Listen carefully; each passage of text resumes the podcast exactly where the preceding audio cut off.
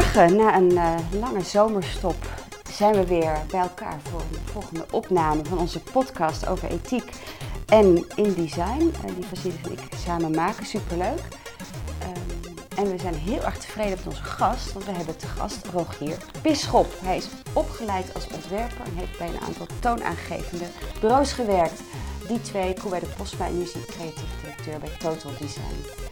De payoff van Total Design is designing value for brands. En die waarde, daar willen we het eens met hem over hebben. We zijn heel benieuwd hoe ethiek in de commerciële wereld werkt. Rogier, we zijn blij dat je er bent. Zilis, we zijn blij ook dat jij er ook weer bent. Super toch om er weer te zijn. Ja. ja. Zou je je even willen voorstellen? Ja, nou ja, allereerst heel erg bedankt voor de uitnodiging. Dat is natuurlijk heel erg leuk. En uh, nou ja, je hebt eigenlijk al een hele goede introductie gegeven.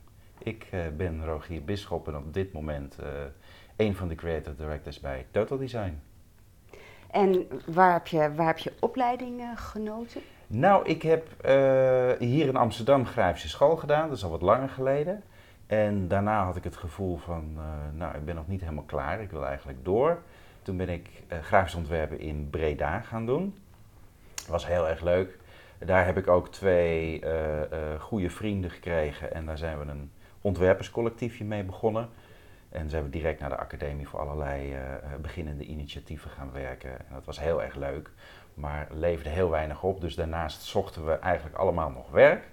En dat ben ik bij die twee in Utrecht gaan doen. Eerst voor drie dagen in de week. Superleuk uh, club, voornamelijk jonge mensen. En daar hebben we aan hele leuke ja, culturele en commerciële opdrachten gewerkt. Een hele mooie balans. Um, heel veel geleerd. En na vijf jaar kwam daar de mogelijkheid om bij um, Koeweide Postma een stap te maken. En ben ik daar gaan werken. Zij waren voornamelijk bekend van het werken ook voor de culturele sector. Maar zaten toen heel erg in een verandering om daar ook meer commercieel werk bij te maken. Die waren enorm aan het groeien en ik was een van de nieuwe ontwerpers daar. En heb daar een flink aantal jaar gewerkt. En in 2014 zijn wij onderdeel van de Total Identity groep geworden. Toen waren er op die vloer al een aantal ondernemingen uh, met een iets afwijkende naam. En in 2019 is dat onder uh, de naam Total Design, de roemruchte naam vanuit het verleden, uh, verder gegaan. Dus we bouwen eigenlijk voort op de legacy die door nou ja, Wim Krauw en Ben Bos en dergelijke is neergezet. Dus het is een naam die ook nog steeds heel erg bekend is in de wereld. Ja. En ja, daar mogen we op doorbouwen. 1963, Total yep. Design opgericht. We gaan het zo nog even hebben over uh, in hoeverre dat, uh, die, dat die erfenis nog doorklinkt in, uh, in jullie huidige werk. Um, even kijken, jullie werken voor heel veel verschillende klanten. Ja. we zijn heel blij dat we je hier te gast hebben, want we hebben tot nu toe gesproken met mensen die heel veel nadenken over ethiek of mensen die bij de overheid werken, waarbij je toch ziet dat het meer gaat om het goed te doen. Maar de intentie om het goed te doen is er wel. En bij jullie kom je misschien meer de spanning tegen tussen geld verdienen en, um, uh, en het goede doen. Dat vinden we heel leuk om met je te verkennen. Mm -hmm. Even voor de luisteraars, het klantenpakketje pakket van Total Design, HEMA, ING, NPO, Utrecht Marketing, Stichting Lezen en Schrijven. Deze week speciaal van belang natuurlijk. Ja. De Hermitage, het Van Gogh Museum, Sanquin en meer. Dus het is een heel bond uh, pakket. Uh, daar gaan we het over hebben. Ik wil even beginnen met een korte inleiding. We zijn natuurlijk een tijdje bezig met ons onderzoek naar ja. ethiek. En wat we steeds daarin tegenkomen als we daar met ontwerpers over praten, is dat heel veel mensen denken dat het heel ingewikkeld is. Hè? Zoals ja. uh, Charlie Mulholland, uh, die stelde ons gerust toen we hem op uh, visite hadden. Hij zei, je hoeft niet Kant te bestuderen om er iets over te mogen denken. Maar dat denken heel veel ontwerpers wel. Dus het is moeilijk. Mm -hmm. het kost heel veel geld. Als je het goed doet doen, dan zul je altijd op een houtje moeten bijten en offers moeten brengen. En ehm, het kan dus eigenlijk alleen in het niet-commerciële domein. Nou, dat vinden we heel leuk om met je te bespreken. En uh, wat ik een heel belangrijk punt vind, wat we eigenlijk hebben ontdekt, is dat het uh, voor iedereen heel verschillend is wat het goede is. Ja. Dus. Dat is tegelijkertijd ook de moeilijkheid van het hele Dat verhaal. is de moeilijkheid. Ja. Dus, Ja. uh, Rogier, wat Ja. is het beste wat je ooit hebt gemaakt? Jeutje. Wat is Als in het goede. beste? Als in het goede. Ehm, nou, het, eerste voorbeeld wat direct naar boven komt, dat is destijds ehm, voor het Ramadan Festival. dat ik samen met uh, Jacques was ik daarbij betrokken. En er was een organisatie, Maxit, en die zette zich in voor samenhorigheid in de wijk en dergelijke. En het was eigenlijk een, een, een uitnodiging vanuit de moslimwereld om niet-moslims bij ze uit te nodigen tijdens de iftar. Nou, dat is mhm. hetzelfde als je het om zou draaien in de, in de christelijke wereld, dat je met kerst een moslim uitnodigt bij je thuis om te komen eten. Dat was het eigenlijk. Dus gewoon om bij elkaar te komen eten. Dat was nou ja, dat was eigenlijk een, een, een hele sympathieke actie waar, waar best wel veel gebruik van is gemaakt. En ik ben met mijn gezin ook twee keer bij mensen wezen eten. En dat was gewoon heel erg leuk. En je zei destijds, wanneer was dit ongeveer? Oh, wanneer was het? Gevoels. goeie. Ongeveer. Nou, een jaar of vijftien geleden, denk ik. Ja, dus in die tijd misschien een nieuw soort initiatief, zou je kunnen zeggen? Ja. Okay. Er hingen, posters in de stad en er waren flyers en dergelijke. En uh, social media was het nog niet heel erg actief.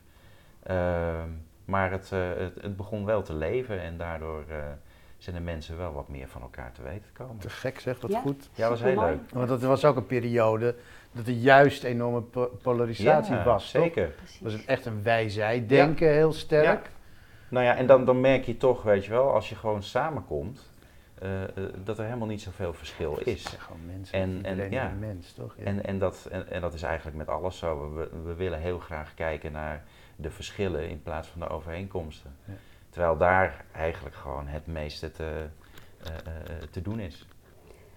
En, en is dat dan ook waarom het zo goed was wat jou betreft? Dat je die... Nou, het was, het was iets anders. En het, weet je wel, je probeerde wat te veranderen. En, uh, en, en dat was heel leuk. En de mensen die er natuurlijk aan mee hebben gedaan, ja, die, uh, die waren daar natuurlijk ook heel kwetsbaar bij. Dus die stelden zich kwetsbaar op van, nou, kom maar, ik heb ook geen idee wat er gebeurt. Die hadden misschien ook eenzelfde soort van vooroordelen als vanuit, vanuit de andere kant. Ja, ja. Maar dat, dat verliep heel erg leuk. En een aantal van die mensen zijn we later nog tijdens een officiële bijeenkomst zeg maar nog tegengekomen en weer bij aan tafel gezeten. Dus dat ja. was heel erg leuk. Dus eigenlijk was het een soort social design. Ja, zo zou je het inderdaad kunnen zeggen. Ja. ja. te gek. En uh, nou, je voelt hem al aankomen. Wat is het slechtste wat je ooit maakte? het slechtste? Nou, dat is grappig, want dat is uiteindelijk nooit doorgegaan, maar dat voelde gewoon heel Saved slecht. by the bell. Ja, ja, ja. Vertel. Dat voelde heel slecht. Uh, um, en dat was ook de reden waarom we ermee uh, zijn gestopt. En dat was een club. En uh, nou ja, ik ga er niet uh, tot in detail op in. Maar die wilden ons voor hun karretje spannen om een heel groot megalomaan idee uh, van de grond tillen. En dat leek heel erg baanbrekend, maar daar kwam uiteindelijk echt helemaal niks van terecht. Dus ook naar centen en dergelijke hebben we kunnen fluiten. En dat waren echt van die types met, met hele mooie gladde plaatjes, maar, praatjes. Maar er kwam niks van terecht. Ja, je, je, je, wil niet alles over zeggen, dat, uh, dat voel ik natuurlijk wel aan. Maar kun je enigszins aangeven waar dat megalomane zich bevond? Was het vastgoed? Was het... Nou ja, het had er uh, enigszins mee te maken. Het ging inderdaad over huisvesting op hele grote schaal, op een makkelijke manier. Oké. En uh, nou ja, dat... Ja, ik ben natuurlijk super nieuwsgierig. ja. Studenten in een opslag uh, onderbrengen of zo. Ja, ja nou ja, het, het, het, zou, het zou voor iedereen van toepassing kunnen zijn. En, hey, en even... tijdelijke...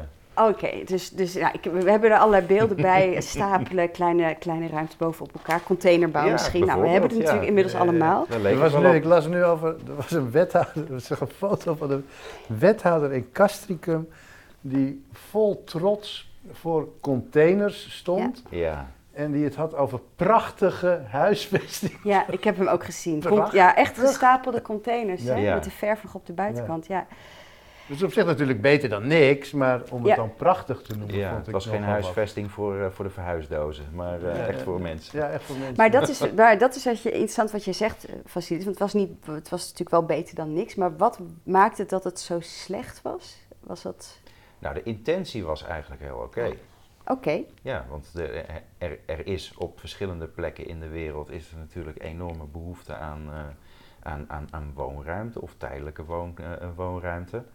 Uh, weet je wel, hier in Amsterdam bijvoorbeeld al studenten die op zoek zijn naar kamers en alleen maar echt eh, in hele loesje praktijken belanden of, Mhm. eh, of gewoon enorm de buidel moeten trekken, wat bijna Mhm. voor niemand weggelegd is. Ehm, ja, tot aan het andere, andere kant van het spectrum, eh, dat er heel veel mensen in mensonterende omstandigheden in vluchtelingenkampen en dergelijke zijn. En daar kan je iets voor bedenken, iets wat modulair is en uh, snel kan opzetten en redelijk snel kan afbreken. Dat kan je ook weer uh, op allerlei manieren inrichten, met een bepaalde luxegraad of niet.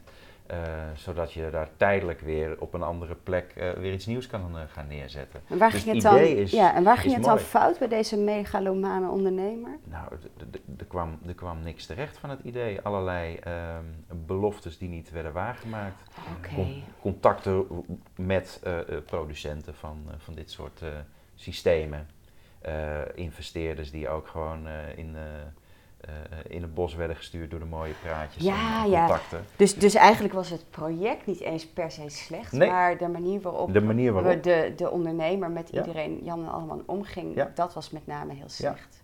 En ook niet Dus netjes is- afgehandeld, want we waren Precies. allemaal volop aan het werk en hadden uren gemaakt om eh, dingen op te zetten. Maar ik zoek natuurlijk ook naar wanneer jij hele slechte dingen hebt gedaan. Ja, Een dark pattern, een... jeutje. Ik heb wel eens bijvoorbeeld voor McDonald's een website gemaakt en daar zit ik nog steeds mee. Ja, Hoewel ik vind het wel ja. mooi dat ik dat kan vertellen. Het komt heel goed van pas. Eigenlijk is het super handig dat je dat hebt gedaan, ja. Maar ik vond dat dus toen de tijd heel Ja. erg dat ik dat deed. Dit was nog voor het greenwashen. Het had me erger geleken als ik het redesign had moeten doen. Waarbij het logo groen werd gemaakt om te doen alsof Alsof McDonald's het, ja, een goed bedrijf is. ja. Jeutje. Daar moet ik toch even goed over nadenken. Weet je, denk erover na. Ik Ja. ga een mooie case aan jullie voorleggen. Ja. Vasilis, die zou je ook aanspreken. Je hebt het woord greenwashing gebruikt, dus nu kan ik het eh, introduceren. Eh, ik zag het ehm, eh, van de week en ik, ik raakte er totaal van in de war. Dus ik ben Ja. heel erg benieuwd hoe jullie er naar kijken. Ik heb het ook thuis even aan de pubers voorgelegd. Die hadden interessante dingen daarover te zeggen, dus ik ben heel benieuwd. Ik zal het even schetsen. Het, is, ehm, eh, het was deze week Duurzame Dinsdag. Mhm. En Duurzame Dinsdag is een initiatief van een, van een stichting Duurzame Dinsdag, waar allerlei organisaties in, in, in zitten. Dus de IVN zit erin, maar ING zit er bijvoorbeeld ook in. Er zitten allerlei overheden in. En het doel van die organisatie is om eh, eh, ondernemers met een duurzaam idee te stimuleren en te steunen. En op Duurzame Dinsdag worden honderden ideeën aangeboden aan, aan het parlement met het idee van dit kun je steunen, hier kun je wat mee doen in het vormgeven van je beleid. Dat is het idee ervan. Mhm. En ze reiken heel erg veel prijzen uit. En die ook weer te maken hebben met die, eh, met die dochters in die organisatie. En een, de hoofdprijs is de Duurzame Dinsdagprijs. En ehm, die werd gewonnen door Extinction Rebellion. Ik zal je vertellen wat er gebeurde. Eh, even zien. Dus, nou, Extinction Rebellion, dus het was, was zo'n klassieke setting. Hè? Prijsuitreiking, mensen in een zaaltje, de kandidaten zenuwachtig eh, met een speech, in zwetende handen op een rijtje, zoiets. En uiteindelijk werd Extinction Rebellion op het podium geroepen. Eh, die hebben de prijs eh, gekregen. Ze kregen heel veel complimenten voor het activeren van burgers, voor hun positieve, eh, positieve actie voeren en dat ze steeds meer aandacht erop weten te vestigen. Dus ze stapten het podium op om de prijs in ontvangst te nemen, maar ze bleken de prijs op dat moment te weigeren. Ik citeer losjes. Dank jullie wel. Het is een eer om hier midden in de lichtgroene elite deze prijs in ontvangst te mogen nemen. Dank jury, dank staatssecretaris, die overigens toen vertrokken was al, want die moest door. Eh, waarbij werd gezegd, misschien is het wel beter dat hij er niet bij is. Dus dat was ook een fijne sneer. Eh, dank ING.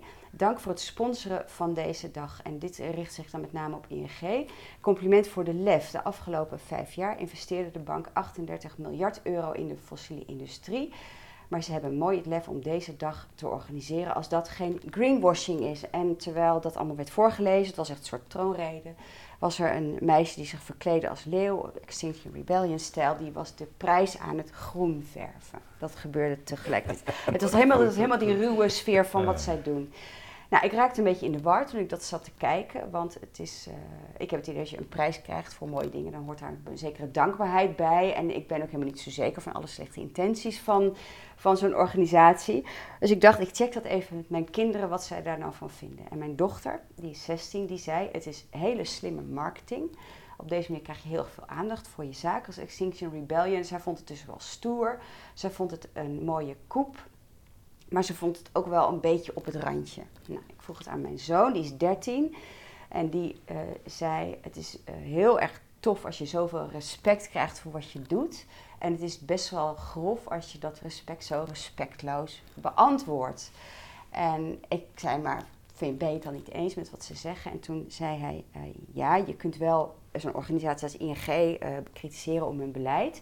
Maar het is wel die prijs zelf, groenverven, dat vond hij echt super heftig dat ze dat deden. Dus ze moeten ook wel dankbaar zijn.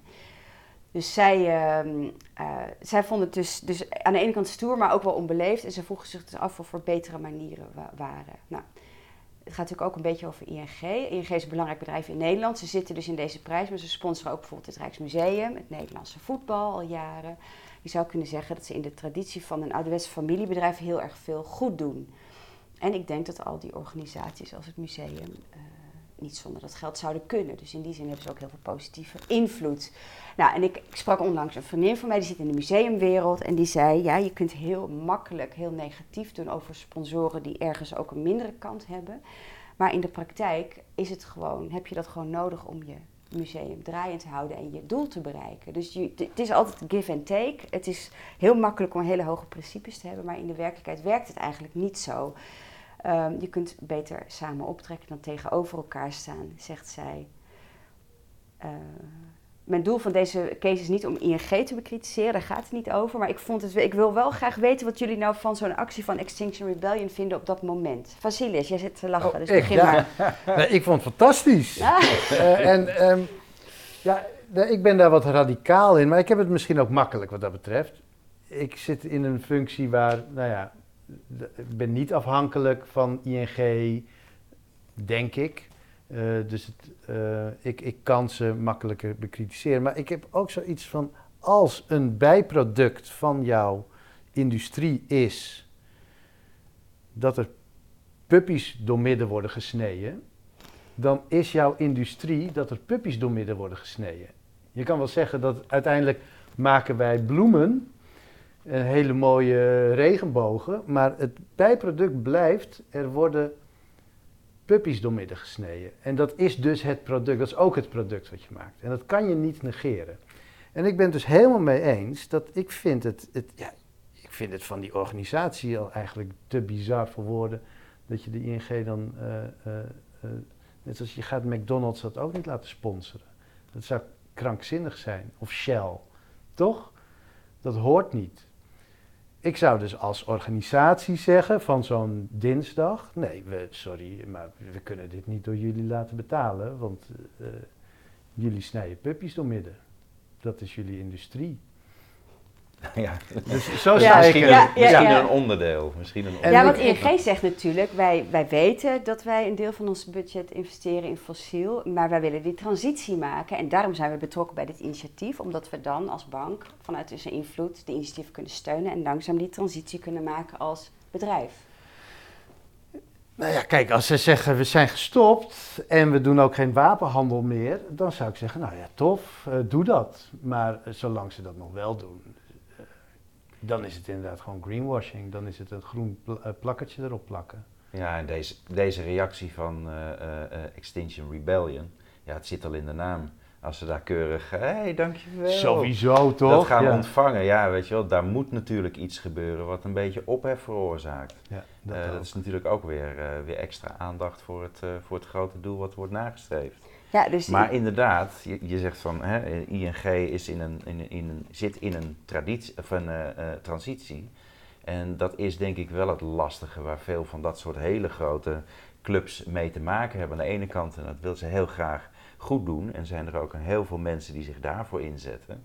En aan de andere kant heb je nog die praktijken die je liever uh, niet te veel. Ja, die je wat uit beeld houdt, ja. zeg maar. Ja. En um, ik ben een boekje aan het schrijven over woede. Nou, Vasilis weet ervan. Hij is mijn Ja. uh, co-docent uh, als we daarover mogen vertellen aan de studenten. En wat, wat ik daar steeds in tegenkom is als je te boos bent, dat mensen zich dan niet kunnen verhouden tot je verhaal. Dus als je uh, echt de hele tijd maar boos loopt te schreeuwen, dan is het voor de mensen die, zich vanzelf, die zichzelf als wat meer gematigd en gemoedelijk beschouwen, lastiger om je te verbinden aan dat verhaal. Dus zo'n zo'n Extinction Rebellion, die elke keer maar weer het feest verpest, want dat is toch dan de sfeer die dan misschien een beetje op zo'n moment naar voren komt. Is dat dan effectief wat zij doen? Hoe kijk jij als, als merkstratege daarnaar? Ik denk dat het Ja, best ja. effectief is. Ja? Ja, in ieder geval voor hun eigen achterban. Ik denk niet dat je, dat je ING-aanhang heel erg met je meekrijgt. eh, eh, door in je verhaal te geloven. Want dan moet je toch wat meer naar elkaar toe bewegen. Ja. En als ze eh, meer als doel hebben om het, eh, om het te agenderen en om te bashen, nou, dan is dat goed gelukt. Ja. Maar als je zoekt naar eh, eh, eh, eh, verbinding of te kijken van jongens, hoe kan het dan wel? Want daar hebben we het natuurlijk ook over in deze podcast, om dingen te, eh, te veranderen. Mhm. En hoe doe je dat dan? Ja, dan is dat niet de meest effectieve manier. Ja, ik denk dus eerlijk gezegd dat het best wel effectief zou kunnen zijn. Het werkt niet om te verbinden.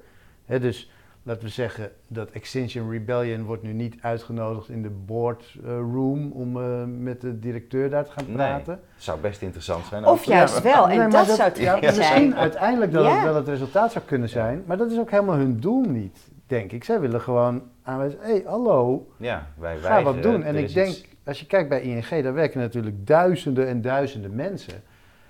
Ik denk dat dat bij sommige mensen die boodschap juist aankomt, daar intern. Dat die denken van, ja, maar inderdaad zeg, we, we- we- laten we daar echt wat aan gaan doen. Dus Eh. jij denkt misschien ook dat de transitie daardoor zou kunnen versnellen? Het zou best wel kunnen, ja, hoor, waarom Ja. niet? Kijk, als je het helemaal niet benoemt en zegt, Nee, dankjewel, dankjewel, Ja. dankjewel ING. Dan hadden Hey, onze luisteraars niet geweten dat ING nog Nou steeds ja. in de wapenhandel zit en in de... Nog meer dingen? Het is allemaal slechte dingen. Ja, nee, en, en ik vond dat ook wel interessant. Mijn kinderen vonden die aanval op ING dus wel prima. Want die hadden echt zoiets van, ja, ze, er, moet, er moet gewoon druk op gezet worden. Het was hier dat moment wat ze moeilijk vonden. hey, maar je, je zegt, eh, ik vind het interessant wat jij zei, Vasilis, dat er dus misschien bij ING dan ook een soort nieuwe gedachtegoed ontstaan als ze steeds maar dit soort confrontaties eh, ervaren. Hè? Is dat dan, dan ook het verschil tussen de professional die ergens werkt en de mens die ergens werkt? Ik denk heel vaak als je mensen persoonlijk spreekt, willen ze heel graag het goede doen vanuit een Mhm. soort menselijkheid. Maar ze zien het vaak als hun rol in een organisatie eh, om die andere dingen te doen. En ik heb het gevoel dat dat bij commerciële bedrijven best vaak een rol speelt. Dus dat ze zeggen, ja, maar ik heb die target, die moet ik halen, dat hoort bij mijn functieprofiel. Eh, ik, eh, ik moet de conversie verhogen op, op ons digitale kanaal, want dat hoort bij mijn functieprofiel.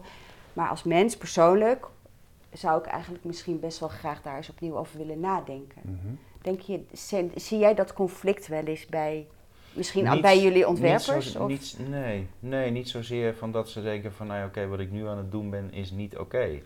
Eh, want voordat je met zo'n opdracht begint, heb je er natuurlijk overleg over met de opdrachtgever en, en met het team wat daaraan gaat werken. En eh, als er iets is wat, denk, wat je denkt van, nou, mm, daar heb ik moeite mee, dan kan je dat met elkaar bespreken. En dat is zowel over inhoudelijk de opdracht of eh, misschien een opdrachtgever waar je niet voor zou willen werken. En dat gebeurt geregeld. En daar kan je dan eh, eh, daar kan je het over hebben. Maar ja, we zitten natuurlijk ook een organisatie. We zijn met, met ruim 60 man inmiddels. Ja, daar denkt ook niet iedereen hetzelfde. En soms komt dat naar voren dat, dat er een collega is die denkt van nou, ik heb hier moeite mee. En die kan, die kan aangeven waarom dat is. En dan wordt er een andere oplossing bedacht. En, als er een, en dat is natuurlijk ook het moeilijke. eh, eh, je zou eigenlijk ergens een soort van standaard willen hebben. eh, van oké, dit, dit vinden we dus allemaal ethisch niet of wel oké. Mhm. Alleen die, die is er niet, omdat dat nogal verschilt. Ja, weet je wel, voor de tabaksindustrie, daar, wil, daar wil je niet voor werken. Ehm, eh, eh, maar dat is dan vrij helder. Maar er zijn, eh, er zijn persoonlijk een aantal redenen voor mensen om te, te zeggen van, nou ja, oké, ik, ik voel me hier niet goed bij. Ehm, ik wil dit niet doen. Ja, ja. En daar, eh, daar wordt over gesproken. Dat is natuurlijk ook lastig, want iemand geeft ook aan van, hè, eh, stelt zich daar ook heel kwetsbaar door op. Van, nou, ik wil dit niet, want ik heb daar bezwaar tegen. Je maakt je daar ook niet altijd, denk ik, heel erg geliefd voor, want je moet toch weer op zoek naar een, naar een andere oplossing. Maar het is wel heel goed dat het gebeurt, want op die manier wordt dat natuurlijk wel weer op de kaart gezet. Hé, wat tof. Dus jij zegt eigenlijk, jullie hebben een cultuur waarbinnen dat kan. Waarbinnen je als eh, individu, binnen jullie grote organisatie, Ja. kun je dat uit. En dan, en dan kun je daar, eh, Daar wordt wel Daar wordt voorzichtig wat- over gedaan. daar hoor. wordt daar wat mee gedaan. Wat goed. En, en heeft- Maar ook door de mensen die, die het bezwaar hebben, die Ja. voelen natuurlijk ook wel, ja, eh, dit, dit kan toch wel een dingetje worden. Dus die zijn daar ook heel voorzichtig mee om het te brengen. Je moet dat niet elke week doen. bij Nee. Elke nieuwe klant. Nee, precies. Dan wordt het toch wel Ja, heel toch? erg lastig. Ja, ja, ja. ja. Nee, maar inderdaad, de, sommige dingen die moet je, ja, daar moet je natuurlijk gewoon wel eh, je over kunnen uiten. En dat, en, dat gebeurt ook. Ja. En dat gebeurt gek genoeg ook vaker dan, dan ik me van tevoren besefte. Oh ja, kun je een voorbeeld geven Nou van ja, zo'n ik- situatie? Geanonimiseerd uiteraard. Nou, het is, heel, het is eigenlijk heel eenvoudig, want voordat, eh, of, toen je me uitnodigde voor deze podcast, de uitnodiging kwam bij jou vandaan, Astrid. eh, ja, toen was mijn reactie ook van, joh, ik weet daar helemaal niks van af, want ik verdiep me er niet in. En dan gaandeweg eh, dan ga je gewoon weer door met je werk en dergelijke. En dan blijkt je toch heel vaak het over ethiek te hebben. Alleen plak je het labeltje ethiek er niet op. Maar ja, het, het gaat natuurlijk gewoon over het goede doen. En dat kan, dat- ja, dat kan heel praktisch zijn natuurlijk. Eh, maar dat kan ook inderdaad heel erg inhoudelijk zijn. Van nou ja, oké, voor deze club eh, wil ik bijvoorbeeld niet werken. Of eh, voor deze opdracht die deze club, die ik misschien wel zie zitten. Maar deze opdracht die, die, die, die, die, die staat me niet aan. Kun je een voorbeeld geven? Gewoon, je hoeft- welke, welke, welke klus wilde je niet aan werken of wilde een collega van je niet aan werken? Eh, nou, er was een overheidsklus die, eh, eh, die bezig was. En eh, een, eh, m- dat had dan met corona te maken. En hij stond anders in het, eh, eh, die collega van mij, die stond er gewoon anders in. Die had zoiets van, ja, maar ik moet nu aan iets meewerken. Aan een bericht wat, eh, eh, ja, waar ik tegen ben. Dus doe zijn ik niet opvattingen over goed coronabeleid botsten met Ja. de opdracht. Ja. En Ja. toen had ze iets, dat ga ik dus gewoon niet doen. Ja. Ja, en, en hoe gaat dat dan? dan? Dan zit je in zo'n vergadering. Is de klant daarbij? Nee, nee, nee. Deze was zonder klant. En Nee, hoe- dat is zonder klant. Ja, en hoe gaat dat dan? Schets, dus jullie, jullie, is gaan, heel simpel. jullie hebben een soort is- kick-off. Nee, niet eens. Weet je wel, we wisten dat de, eh, dat de klus eraan kwam. En dan weten we elkaar eh, te bereiken. We hebben iedere ochtend hebben we stand-up. En eh, dit was volgens mij ja, via Teams. Je, je kan elkaar Ja. natuurlijk allerlei momenten bellen. En eh, die collega belde mij en een andere collega om het erover te hebben. Zo van ja, dit, eh, dit voelt niet oké, ik wil dit niet doen. Ja. En dat was zijn persoonlijke overtuiging. Ja. En eh, dat, dat is een goed recht en dat is ook gewoon doorgaan. Dus we hebben een andere oplossing bedacht. Iemand Dus anders dat- heeft ja. het wel gedaan. Ja. Diegene die dat bezwaar niet ja, had. klopt. Oké. Maar ja, dan merk je dus dat er ook gewoon binnen zo'n organisatie als wij zijn, dus ook anders wordt gedacht. En is er dan hoe groter de organisatie eigenlijk aan de ene kant hoe ingewikkelder dat wordt om, laten we zeggen, één ethisch beleid te voeren? Omdat er zoveel verschillende ideeën zijn binnen zo'n organisatie. Ja, en Dan er- en een er is klein niks vastgelegd. bent. Ja. Ja, ja. Weet je wel, met, met elkaar kan je denk ik sneller tot, tot overeenkomst komen dan als je eh, eh, met een grotere club bent. En is het, zou je zoiets moeten vastleggen? Daar zaten we, over, zaten we over na te denken. Dus ik had het ook met een andere collega erover. Van, ja, misschien moeten we dit wel hè, op een of andere manier als een soort van richtlijn meenemen. Dus die hele ethiekdiscussie is door eh te gast zijn in deze podcast ook weer eh, opgerakeld binnen, Nou, nou wat tof. binnen de club. Dus dat is wel heel erg mooi. Maar het kan, er kunnen bepaalde simpele principes. Ieder speakerman heeft toch iets als... Don't work with assholes, don't work for Ja. assholes. Ja. Super simpel. Super Ja, duidelijk. Je kan het ook voor alles Maar uitleggen ja, wat, natuurlijk. wat is een asshole? Ja, ja, dat is... Define an asshole. Dus dan wordt het meteen weer lekker on- onduidelijk. Ja, ja. Maar, Ja, maar je zorgt wel dat het in elk geval een onderwerp is Ja, waar je even waar je over, over kan praten. en Ja. als dus iemand op een gegeven moment zegt, ja, maar dit is een asshole. Nou, oké, Ja. is Ja. duidelijk. Ja. Precies, dus dan geef je eigenlijk, creëer je de ruimte om dat te mogen zeggen Ja. als je dat voelt. Ja. Ja, want jullie hebben natuurlijk, jullie zeggen wel dingen als waarde voor merken en dat soort dingen, maar, Ja. maar wat die waarde dan is, wat is die waarde dan? Nou ja, wij leveren met ons werk een, een, een toegevoegde waarde, zodat een organisatie, of dat nou een, een commerciële organisatie is of een, of een culturele, eh, eh, die, die stellen we in staat om beter te communiceren met Ja. hun eh, doelgroepen. Precies, Dus wat, wat hun doel ook is. Dus in het geval van Sanquin gaat het over het Ja. werven van donoren en Ja. in het geval van ING gaat het over conversie op de kanalen Ja, bijvoorbeeld. Ja. Ja, dus de die hele is- transitie van een traditionele bank naar, een, eh, eh, naar een, bank van de toekomst. Een bank van de toekomst, dat klinkt goed. Ehm, hey, zien jullie verschil tussen commerciële en niet-commerciële klanten als het op, op, op dit soort kwesties nee, aankomt? Nee, nee totaal, en totaal niet wat, uh, wat betreft het, het nadenken over, over ethiek of de gesprekken die we erover hebben.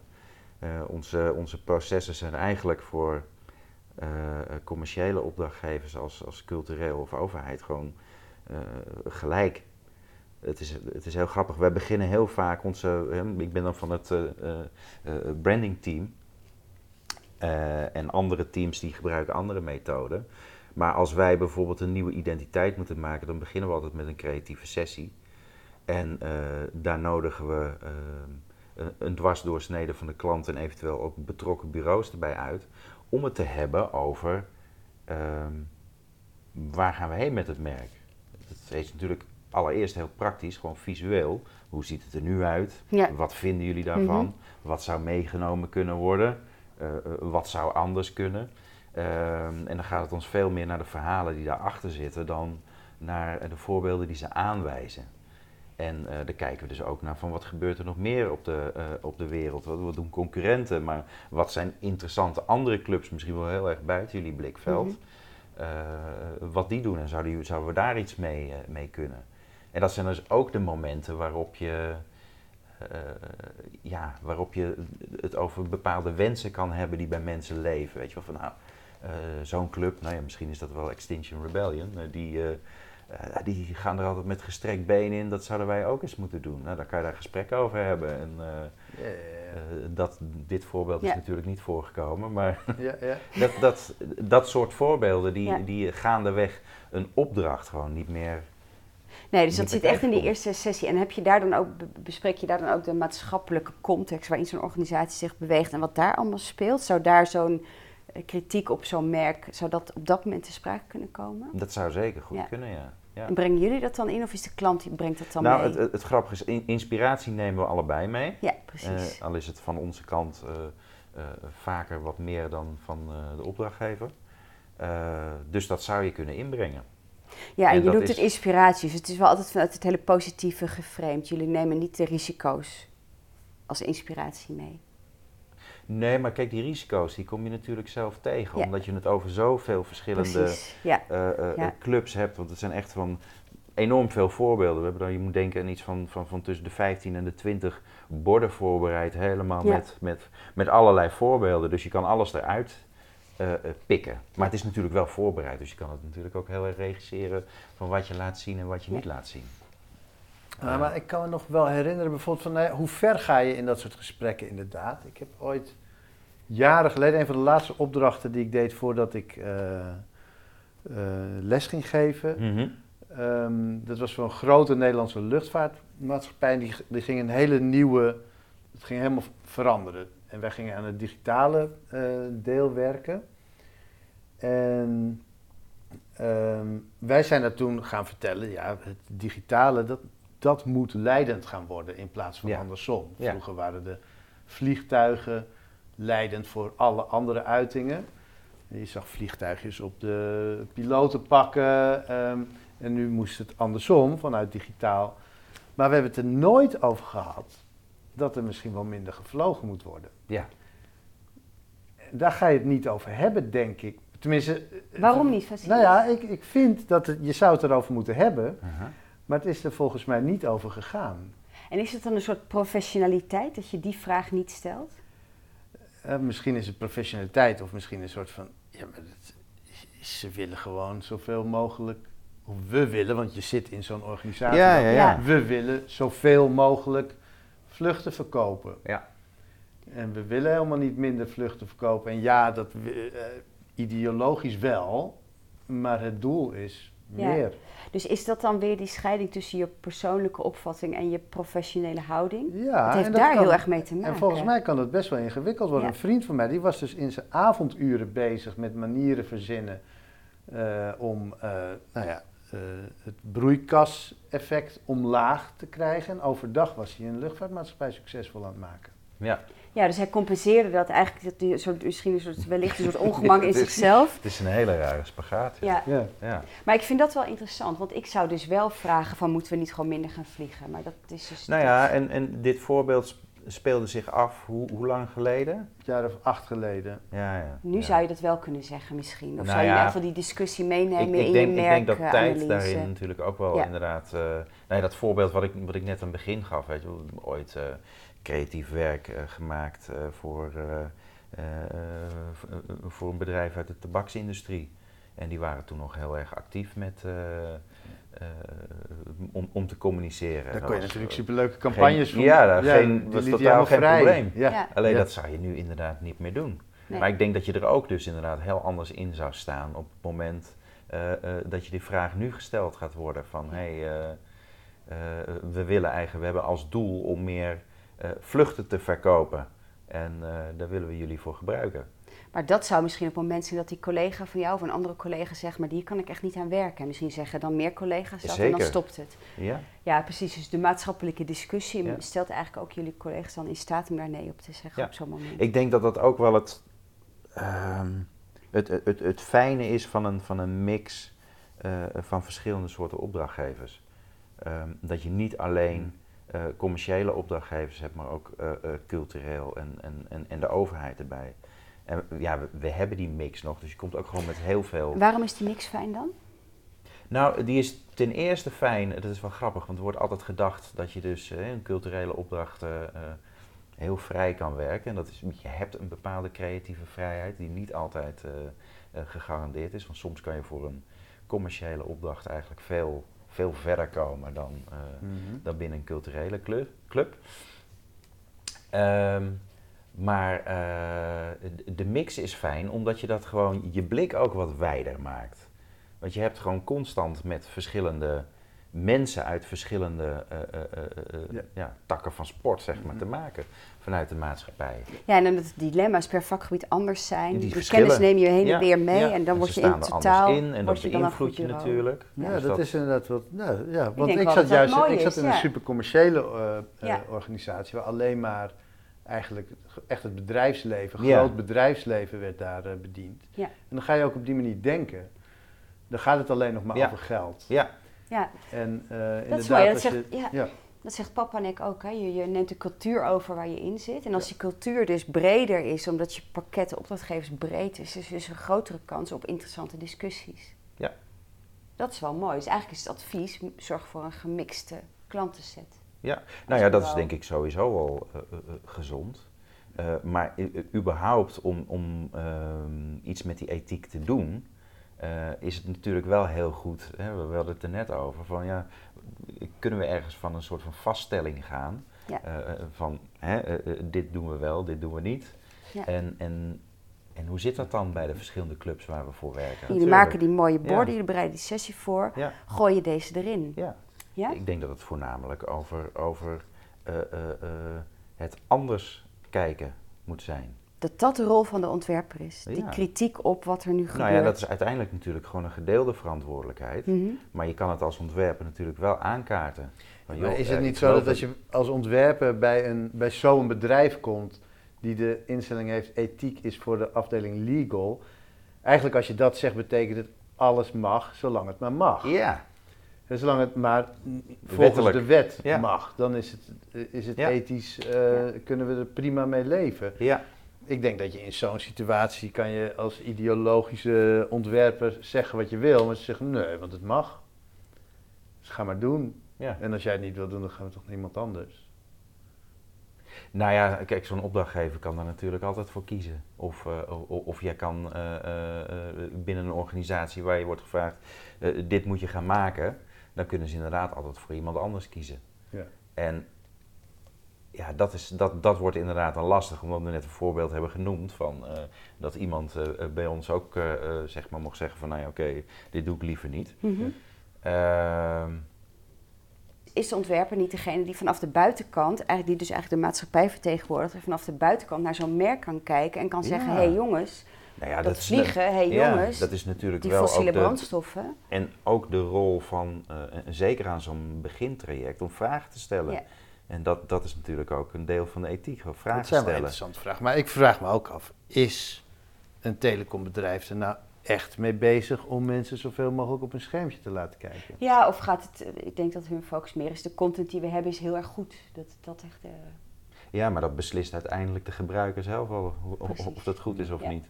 Is Nou ja, je hebt Maar ja, ze die- proberen natuurlijk wel, eh, hè, eh, de, de, de- nou ja, we, we kennen het allemaal wel, de verslavingstechnieken Ja. eh, toe te passen, waardoor Ja. je gewoon aan het scherm gekluisterd bent. Ja. bijvoorbeeld. En daar, volgens mij wordt dat wel iets minder. Hè? Dus Ja, daar, hè? de- een tijd lang was de, die, de design bestseller was eh Hooked, heette die volgens mij. Mhm. Gewoon, eh, ma- hoe maak je mensen verslaafd? ja, ja, Ja. precies. Ja. Dat was de design bestseller. Volgens mij is dat inmiddels iets minder aan het worden. Ja, dat denk ik ook. En, en verandert dat omdat ontwerpers dat niet meer willen maken? Of denken dat is niet goed als experts? Ik hoop dat dat, dat, het zo is, hè? dat dan op zo'n moment de UX-designer zegt... Ja, ligt, ligt, dat, ligt dat bij UX of eh, ligt dat bij de eh, developers?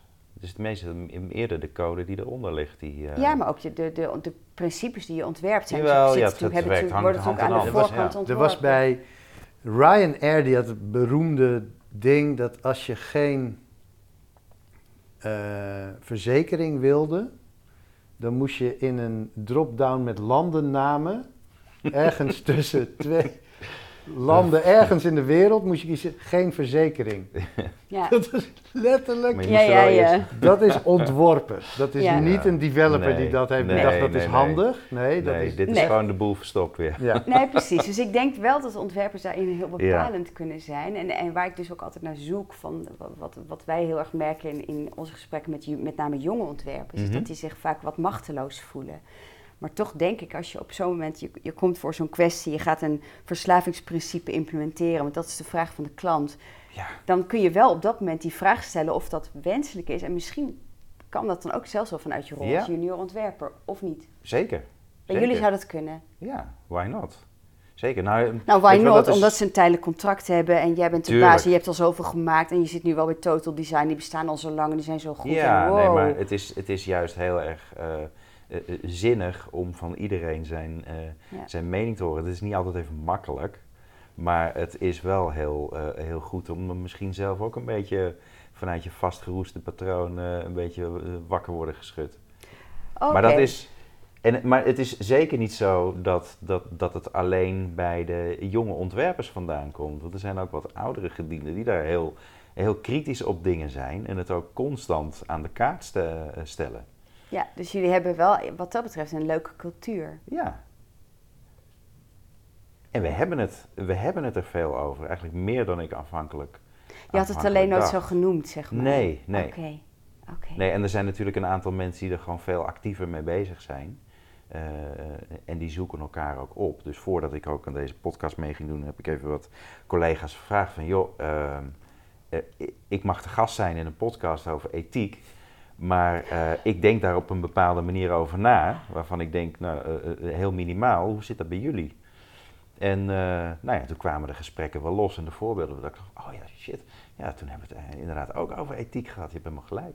Wat goed. Ja. Dat is wel tof. Ja, cool. Nou ja, dus dat en- is een soort radicaal hoekje in de kantine of zo, waar die, waar die dan altijd zitten te schreeuwen. Teamshoekje was dit. Oh, teamshoekje. ja, helaas, helaas. Nee, we ja. komen wel weer op kantoor hoor. Maar dit Ja. was toevallig inderdaad Ja. even de vraag via Teams. En daar werd eventjes op, ge- op, op geantwoord. Ja. Maar het is wel goed, ehm, eh, ook omdat we natuurlijk met een nieuwe samenstelling zitten. Er zijn best wel, eh, we zijn constant in ontwikkeling met, eh, met nieuwe collega's erbij. Die ook weer een vorm moeten vinden om met elkaar om te gaan. En ehm, dit kan daar een heel goed onderdeel van zijn. Ehm, Ja. Dus we willen hier zeker, eh, zeker mee verder. Maar Leuk, ehm, het- het- bij de jonge mensen komt natuurlijk eh, hè, een bepaald idealisme eh, voor. Zeker ook bij, bij ouderen. Maar er is, er is eigenlijk ja, altijd ruimte om daar, om daar iets over te zeggen. Ja. En, en je mening erover te geven en iets proberen te veranderen. Hoe is de samenstelling in jullie team qua junior, senior? Eh, in ons huidige team zitten, even kijken, twee juniors, een meteor en eh, twee creative directors. En dan maken we ook gebruik zeg maar, van, eh, van mensen uit andere teams. Ja, precies. dan, zeg dat, maar, is een inhuren. soort, dat is heel mooi gemixt eigenlijk. Ja, ja. ja. Oké. Nou, ik heb ook wel eens met klanten gezien dat die dan, die, die zeiden nee, wij bieden hier, dus die had bijvoorbeeld een white paper en ik ben altijd van, je zet gewoon je, je kennis, zet je lekker online, dat deel je en dan Ja. gaan mensen daar vanzelf naar linken, maar die zei nee, ik wil een e-mailadres en dan pas krijgt ze het white paper. En dat was de, op een gegeven moment was dat het, het gangbare pattern. En Ja. zei, waarom? Ja, ja, dan heb ik die Dat is ook een beetje e-mailadres. verborgen, ja. Ja, Lekker hebben. ja. Ja. En die hebben we niet weten te overtuigen. nee. Nee, die Nee, wilde die niet bleven iets anders. Die moest houden. die e-mailadressen hebben. Ja. Dit was voor de, volgens mij mag dat nu niet meer, Ja. maar toen eh, mocht dat nog wel. Ja, En, en, en wat, wat was hun reden daarvoor? Konden ze die geven? Of, eh, Nou, hij had een of andere marketingcursus gedaan in eh, Amerika en daar was gezegd dat dit eh, een goed idee was om e-mailadressen te verzamelen, want die kon je daarna mailen. En als iemand Ja, gewoon maar je kennis mailinglist. leest, dan heb je eh, geen contact mee. Ja. Dus ik snap ook wel dat soort, een soort van simpele... Ja. eh, En daar, daar noem je wel, het, behoefte. het, het- volgens mij eh, heb je daar wel een sleutelwoord genoemd. Je zijn, zijn namelijk marketing. Ehm, want ik kom ook gedurende onze reis steeds meer tot de conclusie dat de ontwerpers basically natuurlijk de good guys zijn eigenlijk. Ik heb, eh, dat zijn de ontwerpers die ik heb gesproken, Vasilis, ik weet natuurlijk met juist, maar iedereen is toch wel echt bezig met die betere wereld. Maar de, de darkness in, in slecht design zit dan heel vaak toch meer bij marketing. Nou, Komt ik weet vanaf niet de, of alle de ontwerpers- opdracht of nee, de doelen, nee? ontwerpers die ik ken zijn niet allemaal bezig met een betere wereld. Die zijn bezig met een beter product, Ja. whatever it is. En Ja. die hebben ook vaak helemaal, helemaal geen moeite om... Wow, we hebben McDonald's als klant, yes! Die zijn Ja. er zeker. Oké, dus dat is dan echt mijn bubbel. Ja, Ja, hoor. dat is wel goed. ja. Ja, en die denken, te gek, we gaan McDonald's groen maken, wow! duurzaamheid eindelijk, ja. Oké, nee, maar dat is goed dat je het je, zegt. Dus dan is dat, dan is het mijn bubbel. Want eh, eh, ik, ik was... eh, Nee, Ja. En ook wat je zei aan het begin, dat bij de overheid dat het daar makkelijker is om goed te doen. Ik ben het daar niet mee eens. Als ik kijk naar eh, wat de Belastingdienst de afgelopen decennia heeft gedaan, dat Ja. is keihard, heel gemeen beleid. dat is Ja. waar. Je hebt En- helemaal gelijk. Ja. Daar zitten natuurlijk mensen die dat misschien niet wilden, maar die in een cultuur zaten waarin ze gedwongen werden, of in elk geval in een cultuur zaten waarin ze meededen aan moedwillig, heel hard gemeen beleid. Met heel veel destructieve gevolgen. Ja. dus we kunnen ook niet zonder meer stellen dat... eh, eh, dus dat onderscheid tussen commercieel en niet commercieel is eigenlijk dus niet te maken, Nee. wat jou betreft. Nee. Nee, Nee. nee. precies. En eh, ja, dat is heel goed Ik denk dat het een cultureel ding zou je kunnen zeggen. Dat er in bepaalde plekken zijn er culturen, werk je in een cultuur waar de ruimte is voor eh, ethische standpunten. Ja. Of om na te denken op een ethische manier. Ja, inderdaad. Hoe open is een organisatie? En organisaties voor mij, hè, dat kan commercieel, cultureel eh, Ja. de, de- of de overheid zijn.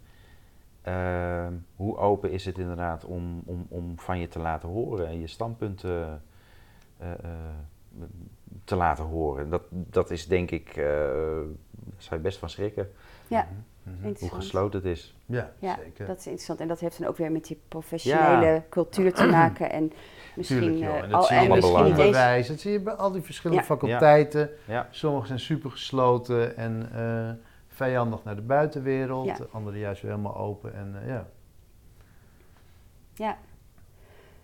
We, zitten hier, we zijn hier te gast bij CMD, eh, eh, opleiding van de Hogeschool van Amsterdam. En een collega van jou, Vasilis, die zei vorige week tegen mij, had het zo over wat de ontwikkeling is die hij zag binnen de, in de student. En hij zei, ja, binnenkort willen die studenten alleen nog maar projecten doen over milieu en inclusie en gelijkheid. Ze willen gewoon geen andere klussen meer doen, Hm. zei die collega van jou. Oké. Ik weet niet of dat zo is. Wat ik wel zie, of wat ik vind, is dat CMD dat soort projecten zoveel mogelijk moet doen. Omdat ik vind dat het bedrijfsleven dat soort projecten te weinig doet. Dus er zijn een aantal onderwerpen die, die zijn gewoon niet winstgevend genoeg. En het bedrijfsleven draait op dit moment niet zozeer om het maken van winst, maar die draait om het maken van zoveel mogelijk winst. Dus er is veel minder ruimte voor eh, sociale projecten. En dat was, vroeger was dat volgens mij echt anders. Dat idee heb ik echt. Dus voordat in de jaren tachtig het ging over winstmaximalisatie, voelden bedrijven zich ook onderdeel van een samenleving. Ja, dan heb je die traditie van familiebedrijven, waar ING in feite ook vandaan komt. Mhm. hè? En je had ook inderdaad, ja, en nou ja. En ik zie het dus echt als de taak van het onderwijs, van ontwerponderwijs, om te zeggen, dan moeten wij onderzoek gaan doen naar die dingen die ze laten liggen. Nou ja, dat, dat, dat klopt wel. Hè. Eh, eh, ik denk dat er meer ruimte eh, eh, om na te denken is over ethiek binnen onderwijs en, eh, Ja. en, en overheidsinstellingen is. Eh, omdat inderdaad commerciële ondernemingen die, die denken inderdaad aan die winst Ja. en, eh, eh, en aan marges halen. Ja, en eh, dat kan je niet ergens op een post zetten. Dus dat is alleen maar extra Ja. tijd, extra Ja. geld. Eh, dus wordt eh, sneller overgeslagen. Nou ja, en als je dan zegt, oké, we hebben nu een generatie, of er komt een generatie studenten aan die hier wel over heeft nagedacht, dan is er ineens geen extra geld meer, want dan zit het gewoon in die mensen. Ja. Die kennis is er dan al en dan hoef je dat onderzoek niet meer te doen.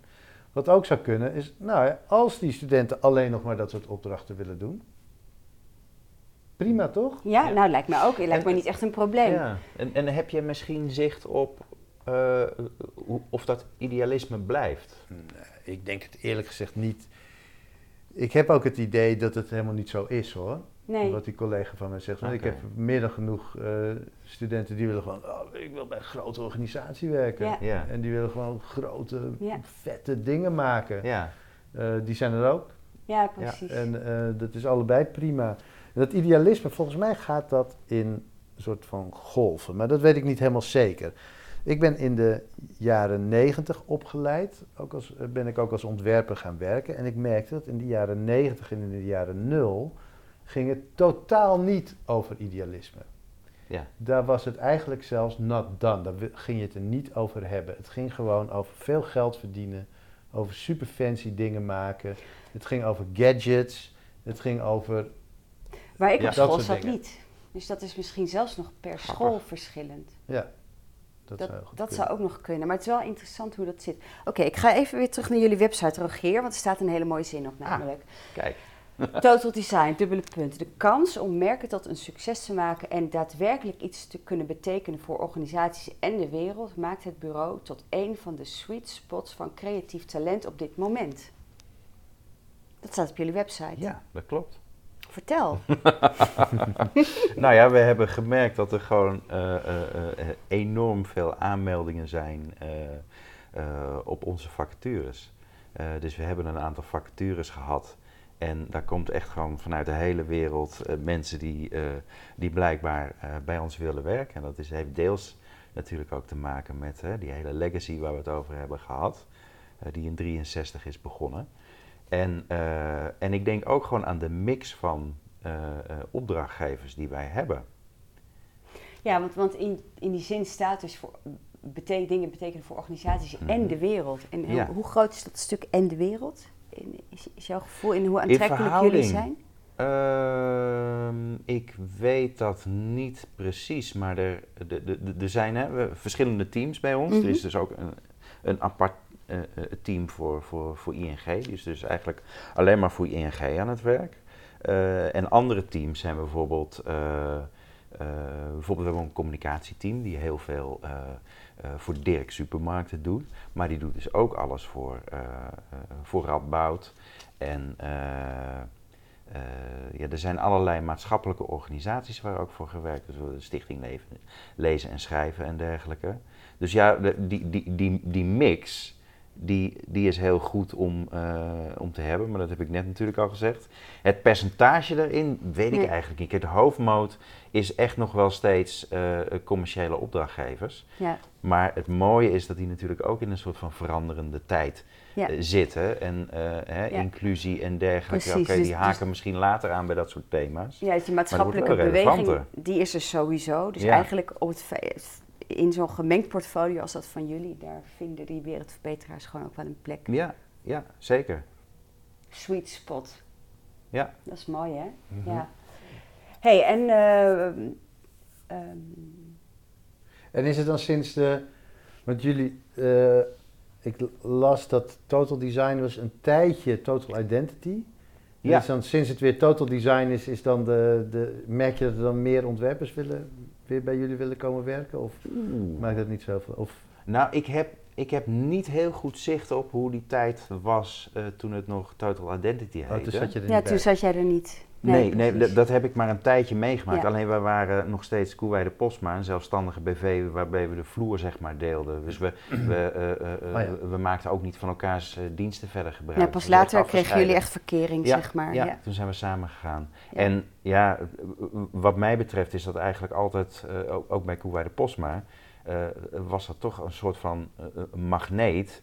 Eh, dat mensen zowel voor, eh, eh, voor dansgezelschappen en dergelijke, Ja. maar ook voor, eh, eh, voor grotere instellingen konden werken met een commerciële Ja. oogmerk. Ja, omdat het natuurlijk als ontwerper ook interessant is. Ja. Ja. Oké, we gaan even naar de toekomst. Oei. Ehm, we gaan even naar de toekomst. Nou, heel graag. Ja. Ehm, ik wil toch even beginnen met het verleden. Ja. Ik, zoek, ik zoek hem even op. Ja, 1963. ehm, dus de- wat nieuw was aan Total Design was dat zowel grafisch industrieel als ruimtelijk ontwerp in één organisatie eh, voor Ja. het eerst werd samengevoegd als één soort ding wat je doet. En Ja. er was een sterk geloof in de vooruitgang en het functionalisme. Nu citeer ik. Het ging om designprecisie en eerlijkheid, transparantie en helderheid, logica en vanzelfsprekendheid. 1963 Wim Krauwel, Friso Kramer en Benno Wissing. Ik weet niet of Toen je was het die eigenlijk- letters van Krauwel hebt gezien, maar ik vind ze allemaal niet Nee. leesbaar, niet duidelijk, Nee, nee, zegt. Dus antifunctionalistisch bijna. een beetje wel, hè? Ja. Ja. dus het is heel fascinerend dat je dan, dat dan, dat dan zo'n zin zo inspireert. Maar wat zou dan. eh, want je zei net eigenlijk, jullie hebben niet een collectieve gedachtegoed verkend. Oh, het is er intuïtief wel, maar jullie hebben het niet expliciet verkend rondom ethiek. Zou Ja. dat de volgende. Zou dat jullie belofte van 2021 kunnen zijn? Dat jullie dat verder gaan definiëren ook? Nou ja, ik denk dat dat wel. eh, eh, het is in ieder geval een hele goede dat we het eh, er nu in een kleiner comité over hebben ge- gehad. En we hebben een afspraak gemaakt om daar over door te gaan praten. Ja. En wie weet komt daar een, een soort van manifest uit of iets dergelijks. Ah, Dat me heel manifest, dat goed zijn mijn lievelingsdingen. Cool. Nee, want je Maar dat kunt ook zou, niet, zeggen. dat zou niet een- eenvoudig zijn. Nee, maar ja, ja, dat is lachen. Ja, ja, die, ja, dus die route is. Ja, want je, ja precies. Nou ja, kijk, ook, ook, ook als ik jou, jouw hele onderzoek tot nu toe lees natuurlijk. Het, is, het blijft gewoon echt enorm complex. Ja. En, en ergens moet je stelling nemen om dingen te gaan vastleggen van zo is het. Ja, hey dat Rogier, en als toonaangevend Mhm. groot bureau met hoog niveau klant, hoog niveau werk, is het niet ook gewoon een plicht om in deze discussie, juist in deze tijd, daar een voortrekker in te zijn? Moeten jullie het niet, is het niet gewoon een plicht dat jullie dat oppakken? Ehm, ja, dat klopt. Alleen is het een plicht om dat ook inderdaad manifest te maken? Of, of, of is dat een soort van gedeelde, eh, een gedeeld geweten wat je hebt? Ik denk eerder dat het, dat het, het hè, nu is het vooral het laatste. Maar is het ik- jullie verantwoordelijkheid als groot toonaangevend Mhm. bureau in het ontwerpveld in Nederland? Moeten jullie niet die discussie veel meer leiden? Ja, dat zou kunnen. Het zou kunnen. Ik weet niet of we dat zouden moeten doen. Zou je het willen? Zie je het als je rol? Hmm. Nee, ik zie het niet direct als mijn rol, maar als voorbeeld, zeg maar, voor, eh, eh, eh, met dat als doel. Hè? Dat, nou, of een, een voorbeeld voor, eh, voor de hele ontwerpwereld. Dat niet. Ik denk dat het eerder goed is om daar gewoon voor onszelf een oplossing voor te vinden, die dan ook gewoon heel erg handig is. eh, eh, zoals we normaal ook met andere eh, eh, eh, eh, klussen omgaan. Eh, dat het gewoon ook bijdraagt aan een beter eh, product wat we kunnen leveren en een betere wereld dan. Ja, die Eh, wat, combinatie. wat dat wel, maar dat moet eerder van, van binnenuit komen Ja. dan, eh, dan dat we het gaan uitstralen. Ja. Dat is ook denk ik de volgordelijkheid. We moeten dit Absoluut. Je moet eerst met weten, elkaar dan kun je het pas vertellen. We het, ja. Ja. Ah, het lijkt me echt fantastisch hoor. Als jullie als, eh, als, als zo'n bureau met zo'n statuur, dat jullie daarvoor gaan staan, dat lijkt mij echt. eh, ja. dat zou ik wel graag willen, zeg maar. Ja, ja, maar zou het ook nog iets bijdragen aan jouw onderzoek? Want jij bent er natuurlijk gewoon beroepsmatig. Nou ja, ik wil Eh, natuurlijk dat die wereld beter wordt. En eh, ik, ik raak totaal geïrriteerd door alle stomme dingen die om ons heen zijn. Ja. En, en dan denk ik, we hebben zoveel, we hebben zoveel on- ontwerptalent om ons heen. Hoe kan Ja. dat nou zo zijn? En, en toen had ik gisteren, zag ik weer zoiets en dacht ik, we moeten gewoon alle ontwerpers ontslaan. Wordt het dan eigenlijk niet beter? Maar goed, dat is misschien een ander onderwerp om een keer over te hebben. Wat, wat dan de rol van wild, ongecon- ongecontroleerd ontwerp is. Want ik merk ook wel eens dat ik soms denk dat je dingen kunt overontwerpen. Oké, ik Ja. voel dat dit een heel ander onderwerp is. We gaan afronden. Volgende podcast. Eh, Rogier, volgende podcast. Wat zijn, eh, wat zijn de grote, grote veranderingen die jij ziet voor de komende tijd ten aanzien van ethiek binnen jouw werk? Zie jij dingen die echt anders worden of zijn? Ja, ja, ja. Nou ja, we zijn op dit moment eh, eh, bezig met een club ehm, eh, voor ING, overigens, die zich helemaal inzet eh, eh, fotografie om dat via AI te laten, te laten gaan.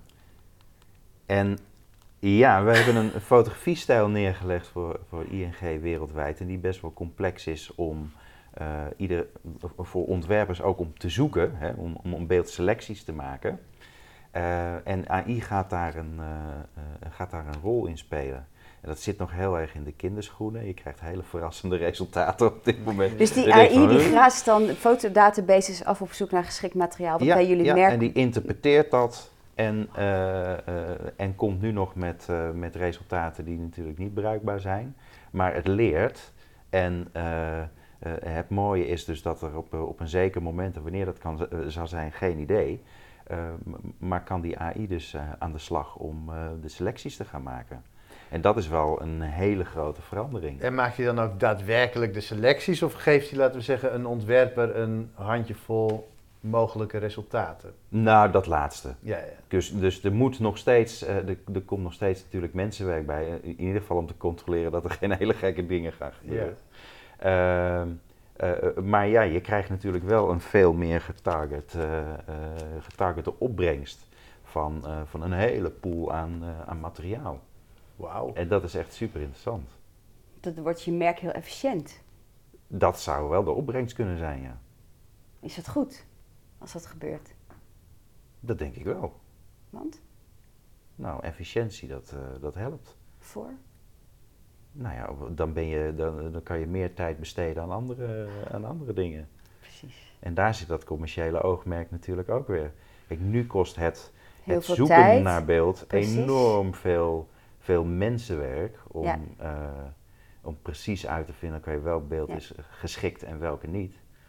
Eh, en wellicht dan- dat je ook heel veel bronnen helemaal niet kunt onderzoeken. Dus je kan natuurlijk veel meer beeld doorzoeken met, een, eh, met behulp van Ja. de AI. Ja. Eh, aan de andere kant is het natuurlijk zo, een AI is getraind op data. Eh, Ja. Dus het zou ook weer kunnen dat heel veel bronnen juist niet doorzocht worden. Ja, kijk, we, we- gebruiken daar nu ook nog één bron voor. Oh ja. En eh, die gebruiken zelf ook al een vorm van AI. Alleen als je dan de beschrijvingen bijvoorbeeld onder die, bij die beelden leest, ja, die, die slaan nog echt vaak nergens Ja. op. Nee? Maar Ja, dus eigenlijk maak je dan het werk van de, van de collega's bij ING die bezig zijn met het merk, maak je makkelijker en beter als het goed is. nou, eigenlijk ons eigen werk. En jullie, oh, jullie Want wij werk. schotelen het voor. Oh ja, Dus, dus, het werk, zeg maar de hele bulk, wordt eh, eh, in principe bij ons gedaan. jullie doen, oké, dat stuk ligt bij jullie. Ja, Ja. Dus dan kunnen jullie de kan- Ja. klant beter bedienen. Ja. En, eh, oké. Oh ja, dan zijn jullie gewoon minder uren kwijt met Ja. super saai Fotodatabases. Ja, Ja, er zijn precies. momenten geweest dat echt dagen achter elkaar Ja. alleen maar beelden zijn. Dus jullie maken het werk van je collega's beter. Ik Ja. weet nog wel ingewikkeld dat supermooi was doel. voordat er veel plaatjes op het internet stonden. Ik ben nog wel naar, ben ik naar musea gaan bellen of ik dia's mocht doornemen Ja. uh, van eh, Ja, ja, ja. Griekse fase. Ja. Onwijs veel werk was dat. Ja, enorm. Ja, Ja. leuk. Dus je maakt het werk van je collega's beter. Dat lijkt me dat ook was een wel eh, leuk. doel. Ik kwam bij allemaal musea over de vloer en in de archieven. Ja, dan pik je wel weer andere dingen mee. Ja, ja, ja. Ja, Nee, dat je is komt mooi. voor dia's, maar je gaat weg met iets heel anders. ja, ja. Nou, en dat, dan ga ik hem daarmee afronden. Dat is natuurlijk het mooiste dat je, als je alles maar optimaliseert, is de kans op eh, dingen die per ongeluk gebeuren en die waardevol zijn wat minder groot. Ja. Dus het is ook goed om het menselijke daarin te behouden.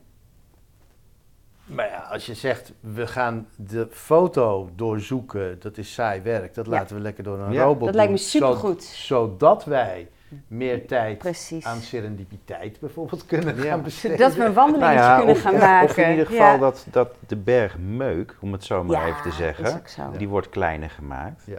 En eh, het vinden van de pareltjes in, eh, in die voorselectie is, eh, is Ja. waarschijnlijk Maar toch het wat, is eh, ook wel, wat beter. beeldmateriaal is natuurlijk zoveel geworden. Dat is gigantisch. Iedereen, iedereen is fotograaf en, Ja. En deelt alles te En er pas en zitten te ook supergoeie foto's zitten Prachtig. ertussen. Ja, Ja. leuk.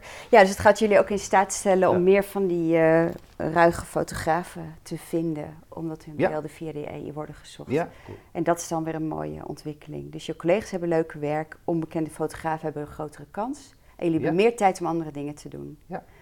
Dat lijkt En me het- best een mooie toekomst. ja, en voor het merk is het ook niet gek, want eh, Ja. ze krijgen onderscheidende fotografie. Precies. Dus die kwaliteit voor de klant is ook geleverd. Ja. Nou, volgens mij gaan we hem afronden. Eh Vasilis, heb je nog laatste woorden? Eh, ik vond het echt superleuk om met je te praten. Heel interessant Eens om weer eens eventjes in, eh, in zo'n designorganisatie te kijken. Daar heb ik lang zelf ingezeten, maar ik ben er ook al lang weer uit. Fijn ook om, om te zien. Ik vind dat heel mooi. Een aantal dingen die je noemde over de, ehm, eh, de diverse samenstelling van jullie klantenbestand. Waarbij je zowel gewoon echt Mhm. grootzakelijke, maar ook eh, culturele en eh, maatschappelijke organisaties hebt en daar die meerwaarde van. overduidelijk lijkt me dat. Gaaf om te horen dat toen je de uitnodiging kreeg, dat je dacht, ja, maar ik doe helemaal niks met ethiek. En dat je toen, toen je het met je collega's Ja, erover ging hebben, dat ja. er toch wel wat, eh, wel, wel best wel veel over gebeurt eigenlijk. Ja. Hartstikke interessant. Echt Ja. heel gaaf om te horen. Ja, nou ja, ik, ik vond het ook heel leuk om hier eh, uitgenodigd te zijn. Ja. En interessant om er, eh, eh, om er nog even dieper over na te denken dan, eh, dan dat ik blijkbaar al deed. Ja. Ja, leuk. Nou, ik vond het een super fijn gesprek. Het is inderdaad heel erg leuk om te zien hoe een gemengd portfolio leidt tot een intelligente organisatie. Om het maar even zo eh, samen te vatten. Ook heel leuk dat, dat onze vraag eh, wat heeft losgemaakt bij jullie. Ik zou Ja. het leuk vinden om te volgen als jullie daar gesprekken over voeren. Wat, tot wat voor inzichten of Ja. dilemma's dat leidt. Het zou Ja. heel tof zijn. Dus misschien wil je daar later nog een keer over komen vertellen. Als dat nou, ik wil je daadwerkelijk, eigenlijk eh, eh, ook bij deze keer uitnodigen Oh. bij ons. We hebben donderdags eh, hebben we een eh, agency call, die veel vaker weer op kantoor plaatsvindt. En dan nodigen we soms ook Leuk. mensen uit het vak uit Nou, die heel tof. iets anders doen of iets gelieerd doen aan wat wij... Nou, dat is tof, want daarmee dan, daar kom ik met plezier natuurlijk. En dan betrekken we jullie gewoon in het onderzoek. Ja, dat is natuurlijk helemaal hartstikke mooi. Dus super fijn dat je er was. Super fijn dat je zo open en eerlijk eh, kon vertellen over wat jullie allemaal doen. En ehm, ja, dank voor je, Graag gedaan. voor je aandacht en tijd. Dankjewel. Dank luisteraars. Eh, u hoort weer fantastisch mooie muziek van Xais. Tot de volgende.